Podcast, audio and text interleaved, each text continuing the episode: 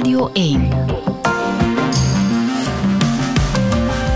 Na een week van een slechte peiling voor Groen en het begin van het begrotingsweekend is mijn gast vanmorgen de co-voorzitter van Groen, Jeremy van Eekhout. Goedemorgen, meneer Van Eekhout. Goedemorgen. We zitten hier in Deerlijke, vlakbij uw woonplek. Uh, mooi uitzicht, uh, hoe het uh, lichte duisternis verjaagt. Maar in uw partij zal het minder idyllisch geweest zijn deze week, kan ik me inbeelden. Ja, kijk, het was een, het was een slechte peiling. We moeten dat niet, Want daar gaat het over, over ja, die peiling van we vorige moeten week. dat, moeten dat niet verbergen, maar uh, het mag duidelijk zijn dat we heel strijdbaar zijn en dat we voor cruciale verkiezingen staan. Ja, maar is er, is er dan toch een, een, vorm van existentiële crisis? Want dat, dit, dit zijn echt... Die, die peiling betekent ook dat u, als, als dit de waarheid wordt, allicht op sommige plekken de kiesdrempel niet inzaalt. Ja, er is geen existentiële crisis, omdat wij heel goed weten waarom dat wij aan politiek doen. Wij zijn een partij die vertrekt vanuit een aantal zeer belangrijke principes en waarden. Dat zijn mensenrechten, dat is klimaatambitie, dat is zorgen voor iedereen die het moeilijk heeft, alle mensen kansen geven. En als we dan kijken naar 2024, dan worden het inderdaad voor onze partij cruciale verkiezingen, maar veel breder voor de samenleving cruciale verkiezingen.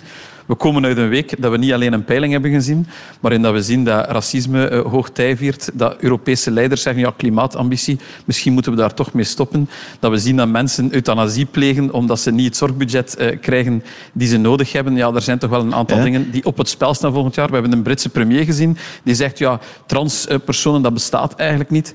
Ja, dat zijn dingen waar vijf jaar geleden iedereen van zei, ja, extreem rechts, waar komen jullie mee af? We lachen die uit of we marginaliseren die. Op vandaag wordt dat mainstream. Dus dat is de strijd voor ja. 2024. Ja, en dat zijn allemaal thema's waar, waar uw partij zich wil profileren. En toch slaagt u er dus niet in om, om het electoraat dat daar gevoelig voor is naar uw partij te, ja, te absoluut. krijgen. En er ligt veel werk op de maar winkel. hoe komt dat dan? Of, Ja, er ligt veel werk op de winkel. Uh, ik denk dat een van de analyses is dat een aantal van die thema's op vandaag niet hoog genoeg op de agenda staat. Uh, ik denk dat heel veel politieke krachten bijvoorbeeld proberen de klimaatcrisis onder de mat te vegen. En dat het onze zaak zal zijn om die klimaatcrisis echt naar voren te schuiven. De crisis in de zorgsector, een aantal problemen die er zijn, die worden te weinig blootgelegd. Ja, zijn ook dat allemaal thema's waar, waar, waar heel uitgebreid uh, over, over bericht wordt. Absoluut, dus, absoluut. En dat is een beetje de tegenstelling. Maar als we naar diezelfde peilingen kijken, dan zien we dat vandaag andere thema's bovenaan de agenda staan. Maken mensen, mensen maken zich zorgen over het einde van de maand, over hun portemonnee. En het zal dus aan ons zijn om in de komende negen maanden te tonen dat de voorstellen die wij doen, dat die en een antwoord zijn op de klimaatcrisis en een antwoord op ja. een portemonneecrisis. Want u focust nu op, op de aandacht. Uh, als u focust op uw eigen partij, ik kan me toch inbeelden dat u wel zoekt naar een verklaring waar, waar, waarom het niet, niet werkt, uw verhaal. Wel, er zijn een paar dingen die samenkomen, denk ik. Eén, wij hebben enorm gefocust, en dat is zo bij Groen, op besturen, op onze verantwoordelijkheid nemen, op problemen oplossen. Petra de Sutter en Tine van der Straten zijn, en dat is iedereen het over eens, deskundige ministers die hun verantwoordelijkheid nemen. Wel, na uh, vier jaar onze verantwoordelijkheid nemen, zal het nu een zaak zijn om te tonen wat we gedaan hebben in de regering en wat we de komende jaren vooral ook nog zullen doen, waar de strijd over gaat. Twee, we hebben ook een interne hele vernieuwingsoperatie achter de rug als partij. Nadia en ik zelf zijn een jaar bezig. Ik denk niet dat, uh, dat wij de wedstrijd al beheersen op dit moment. Nee. We hebben negen hebt maanden natuurlijk wel uh, aan, aan de andere kant ook heel veel van uw huidige parlementsleden, die ook als uh, heel goed worden aangeschreven, die zeggen wij, wij willen niet meer eens op een lijst staan. Ja, die willen wel op een lijst staan. Die gaan zich focussen... Of mogen zelfs niet. Ja, die, die, en die gaan focussen op, op lokale ambities. we hebben inderdaad een, een generatiewissel zijn we aan het doormaken. Er zijn heel veel van die mensen die twintig jaar bezig zijn, die twintig jaar vaak de verantwoordelijkheid hebben genomen, die het groene gedachtegoed, maar ook de groene ideeën hebben in de praktijk omgezet. En die zeggen nu vandaag, kijk, na twintig jaar geven wij het door aan de nieuwe generatie. En dat is eigenlijk ook een beetje een bewuste keuze van de partij om te durven doorpakken. Wij willen ons klaarzetten voor de komende tien jaar en dat vraagt ook dat we nieuwe mensen de ruimte geven. Ik hoor u zeggen, ja, wij willen de balans of, of wat wij uh, gerealiseerd hebben in Vivaldi, want dat is het waar u in zit, in die federale regering op de tafel leggen. Is er wel een balans om op tafel te leggen om, om trots op te zijn? Want het was ook uw co-voorzitter trouwens, uh, die op dat FOCA-debat, het is er al vaak over gegaan, ook zei van uh, nee, wij willen geen Vivaldi 2 meer. Ja, zoals iedere partijvoorzitter. Ja. Uh, maar um, inderdaad, dus er is, er is een stevige balans. Ik, en welke ga, is die ga dan? misschien starten met te zeggen dat er heel veel gezegd kan worden over Vivaldi. En ik denk dat er meer kansen waren dan er gegrepen zijn door het collectief van de partijen. En een aantal partijvoorzitters hebben dat project samen in de prak gereden vanaf het moment dat het gestart was. Maar ik ben wel zeer fier over de deelname van mijn partij en van mijn ministers in de regering. Om twee redenen. Eén, een reden van stijl. Petra de Sutter, Tine van der Straten. Mensen die deskundig en verantwoordelijk hun rol spelen. Die niet iedere dag vanaf de daken staan te roepen wat er moet gebeuren, maar die het vooral doen. En twee, ook het bilan. Hè. Maar na 15 jaar zijn voor het eerst is er een regering gekomen die de armoedeuitkeringen, die de minimumlonen, de minimumpensioenen heeft opgetrokken. 15 jaar geleden heeft Yves Terme ja. dat beloofd. Vandaag staan we er. We doen windenergie maal vier op zee. We doen uh, voor het eerst in 15 jaar is een investeringsplan in het spoor. Er zijn echt gigantische verschillen. De armoede is gedaald. Er zijn gigantische verschillen ten opzichte van voorgaande regering. En hier zit dus een zeer fiere partij-co-voorzitter om te zeggen ja, de deelname van Groen dus en Vivaldi was absoluut... U gaat met opgeven hoofd naar de verkiezingen. Resultaten. Absoluut, wij met, met een uh, uh, rechte rug en opgegeven hoofd. Want ik denk dat ons bilan er mag zijn en dat als mensen willen dat er nog meer in die richting gewerkt worden, dat ze moeten zorgen dat we de volgende keer meer halen in plaats van minder. Hoor ik u dan ook zeggen, uh, in tegenstelling tot wat op dat FOCA-debat gestemd geweest is, eigenlijk willen wij deze regering gerust verder zetten als, als het kan? Maar ik, één, na de, na de peilingen en na het nieuws van de voorbije weken weet ik niet of dat het nodig is om over volgende regeringen te praten. Wij zullen altijd onze verantwoordelijkheid nemen en het zal altijd gaan over wat ligt er op tafel is dat een antwoord op die klimaatcrisis? Is dat een antwoord op de crisis in de portemonnee van mensen? En zorgt dat ook dat iedereen mee kan en dat iedereen mee blijft? Ja, um, het eh, is natuurlijk nog niet afgelopen. Er zijn nog negen maanden te gaan uh, met een belangrijke kaap die dit weekend moet genomen worden, die federale begroting. Um, misschien even beginnen met, met het tekort zelf. Uh, deze regering, uw regering, stevend af op een gigantisch tekort dat is toch geen bilan om vier op te zijn, neem ik aan? Ja, ik denk dat iedereen hopelijk zich in de wedstrijd zorgen maakt over dat begrotingstekort. Uh, wij doen dat ook. We hebben uh, dit land op een unieke manier door twee crisissen geleid. Er is geen land in Europa, zelfs nee. geen land ter wereld, waar de mensen beter beschermd zijn. Ja, maar het nu... blijkt natuurlijk wel uit, uit analyses dat dat tekort er niet alleen komt door nee, nee, corona. dit niet, komt ook, ook, door beleid. Hè. Dit absoluut, komt, dat is ook niet wat ik zei. Ook. Dus we moeten die inspanning doen. En ook wij willen die inspanning doen om te gaan naar dat 3% begrotingstekort die we afgesproken waren. Het begrotingstraject moeten we terug op het spoor. Ja, dat zal niet lukken, deze regering. Hè? Maar we gaan, we gaan die inspanning moeten doen. En uh, net zoals dat de Vlaamse regering met een aantal uitzonderlijke uh, zaken geconfronteerd wordt, geldt dat ook voor de federale regering. Maar voor ons is het wel de zoektocht naar win-win-win. Hoe zorgen we dat mensen op het einde van de maand er beter van worden in hun portemonnee, dat de klimaatcrisis een antwoord krijgt en dat de begroting er beter van wordt. En dat is de leidraad voor ons in die begrotingsbesprekingen die, de, die, deze, die dit weekend zouden moeten landen. Het is ook het laatste begrotingsconclaaf ja. van deze regering, dus de laatste kans om een aantal dingen te doen. Ja, um, er kan op veel manieren uh, gezocht worden om dat tekort kleiner te krijgen. Deze regering heeft het credo een derde, een derde, een derde, waar ook nog altijd gekeken wordt naar nieuwe inkomsten. Um, uw partij kwam daar met een, een vliegtax deze week dat betekent dus dat mensen die in het vliegtuig stappen uh, vijf keer meer zullen moeten betalen, want daar komt het op neer. Ja, dat, de, dat zijn de stoere koppen die geschreven worden. Wat dat vooral niet betekent, uh, is dat uh, vliegen voor iedereen op elke plek duurder wordt. Mensen die naar Barcelona een citytrip gaan doen, die zullen in ons voorstel niet meer betalen. Wij focussen op twee dingen. Dat is de privéjets en de zakenvluchten. En wat wij absurd vinden is inderdaad dat mensen van Amsterdam naar Brussel vliegen terwijl er snelle TGV-verbindingen op hetzelfde spoor lopen. Ja, maar daar, dan, dan hebt u het niet over zakenjets alleen. Nee, maar vliegen van Amsterdam naar Brussel, dat is opstijgen, een cola drinken en opnieuw landen. Ik kan dan op dat moment evengoed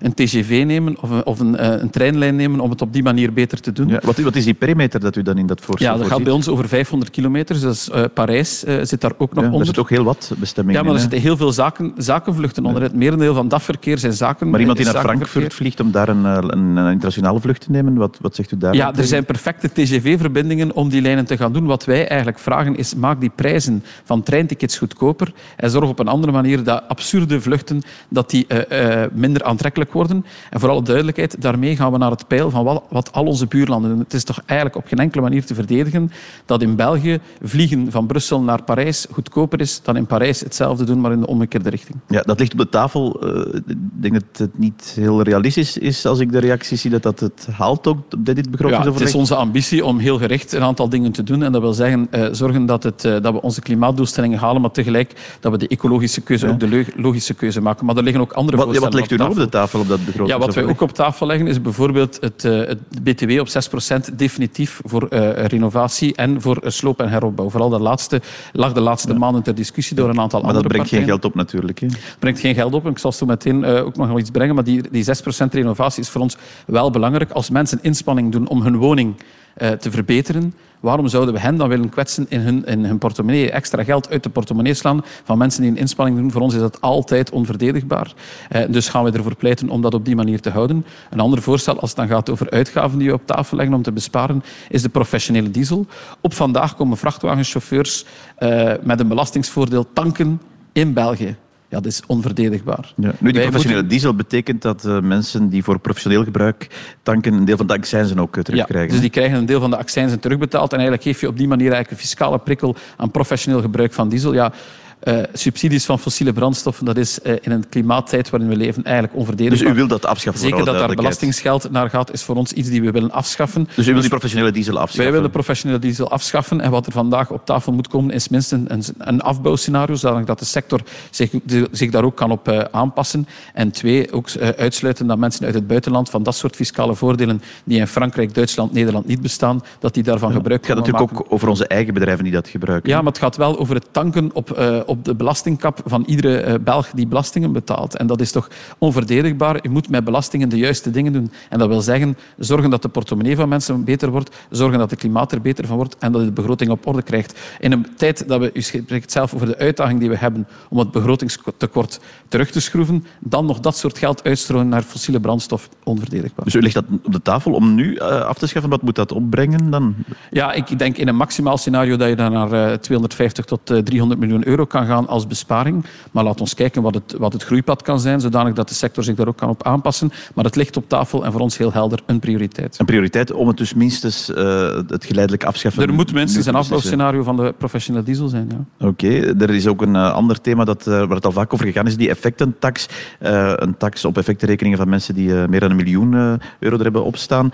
Um, is dat voor uw partij aan de orde, dat verhogen? Want het is, ja, het is iets wat eigenlijk in de fiscale hervormingen zat inbegrepen, waar natuurlijk ook dingen tegenover stonden. Het nu puur als een belastingverhoging op de tafel leggen? Ja, waar wij wel naar kijken, is inderdaad kijken van hoe kunnen de groot, hoge vermogens bijdragen. En daar zijn twee zaken. Je hebt enerzijds de effectentaks.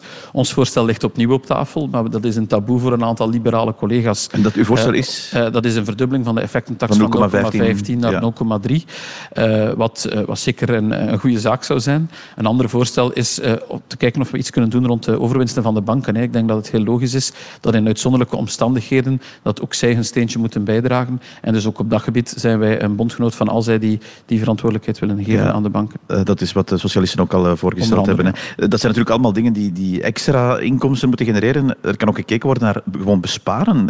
Waar, waar kijkt uw partij daar naar? Ik heb net al naar de professionele diesel. Dat is ja. natuurlijk een uitgave die de overheid extra doet, die kan gaan besparen. Een andere zaak is, is te gaan kijken, ook, zijn er geen overbenuttingen? Zijn er zaken die bij bijvoorbeeld bij overheidsdiensten waar we het op een andere manier nog kunnen doen, zonder in te grijpen op het functioneren van de overheid? Want ik denk dat het voor iedereen wel duidelijk is. En Petra de Sutter waakt daar wel over. Maar is dat niet ergens dat... een, een, heel klein stukje, maar is, moet er niet fundamenteler gekeken worden? Nee, als we gaan voor die een derde, een derde, een derde, dan komen we met het schrappen van bijvoorbeeld professionele diesel, die eh, bijna 300 miljoen euro is, komen we eigenlijk al een heel eind. Dus laten we stap per stap een aantal dingen zetten. Maar voor ons zijn er geen taboes om over na te denken. Maar het moet wel vanuit drie dingen vertrekken. Wordt het klimaat er beter van? Is het goed voor de begroting? En is het goed voor de portemonnee van de okay. mensen? Dinsdag zullen we het weten als Absoluut. die uh, beleidsverklaring wordt uh, voorgesteld. Um, dat is de federale regering, daar zit u in. In het Vlaams parlement zit u, maar zit u niet in die regering. Dus er is deze week heel veel over dat stikstofarrest gegaan. Dat is natuurlijk ook iets wat raakt aan het DNA van, van uw partij.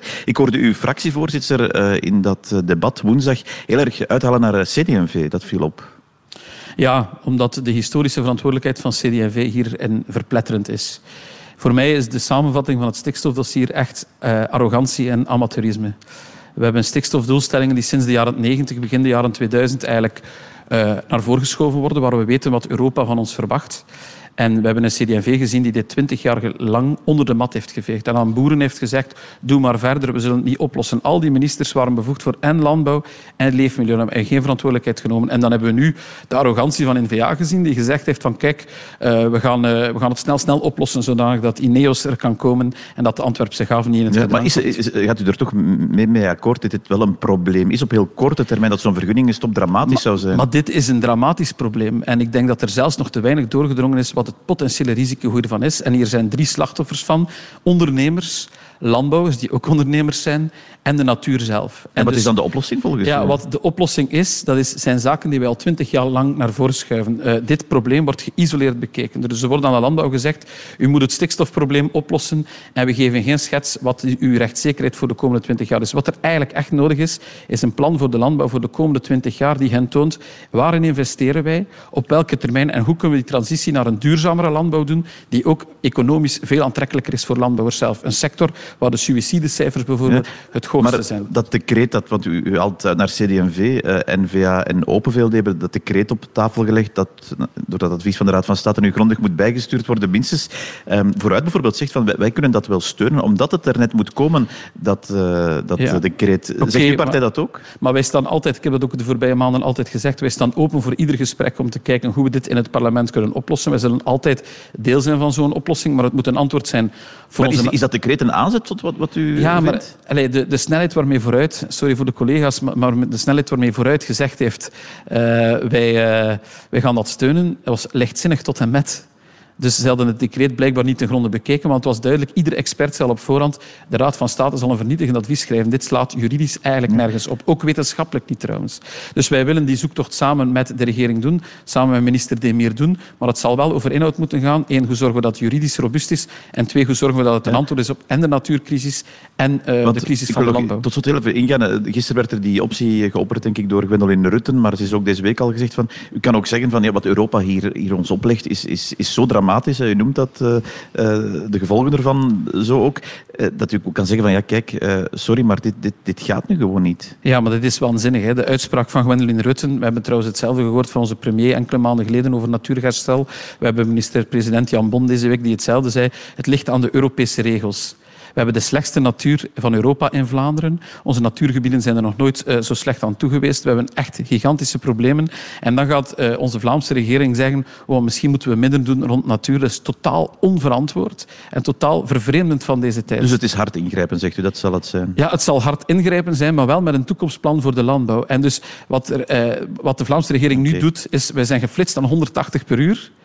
En we hopen toch dat de snelheid op de autostrades terug naar 180 kan gaan. Voor ons blijft het op 120, omdat dat in de veiligheid, eh, voor veiligheid geldt. Dit geldt ook voor onze natuur. Oké, het is ook een thema dat allicht de volgende weken nog heel veel eh, zal besproken worden. eh, en dus ook die begroting, daar kijken we dit weekend naar. Dank u wel, Jeremy van Eekhout, om dat plezier. met ons te beschouwen. Dank u wel.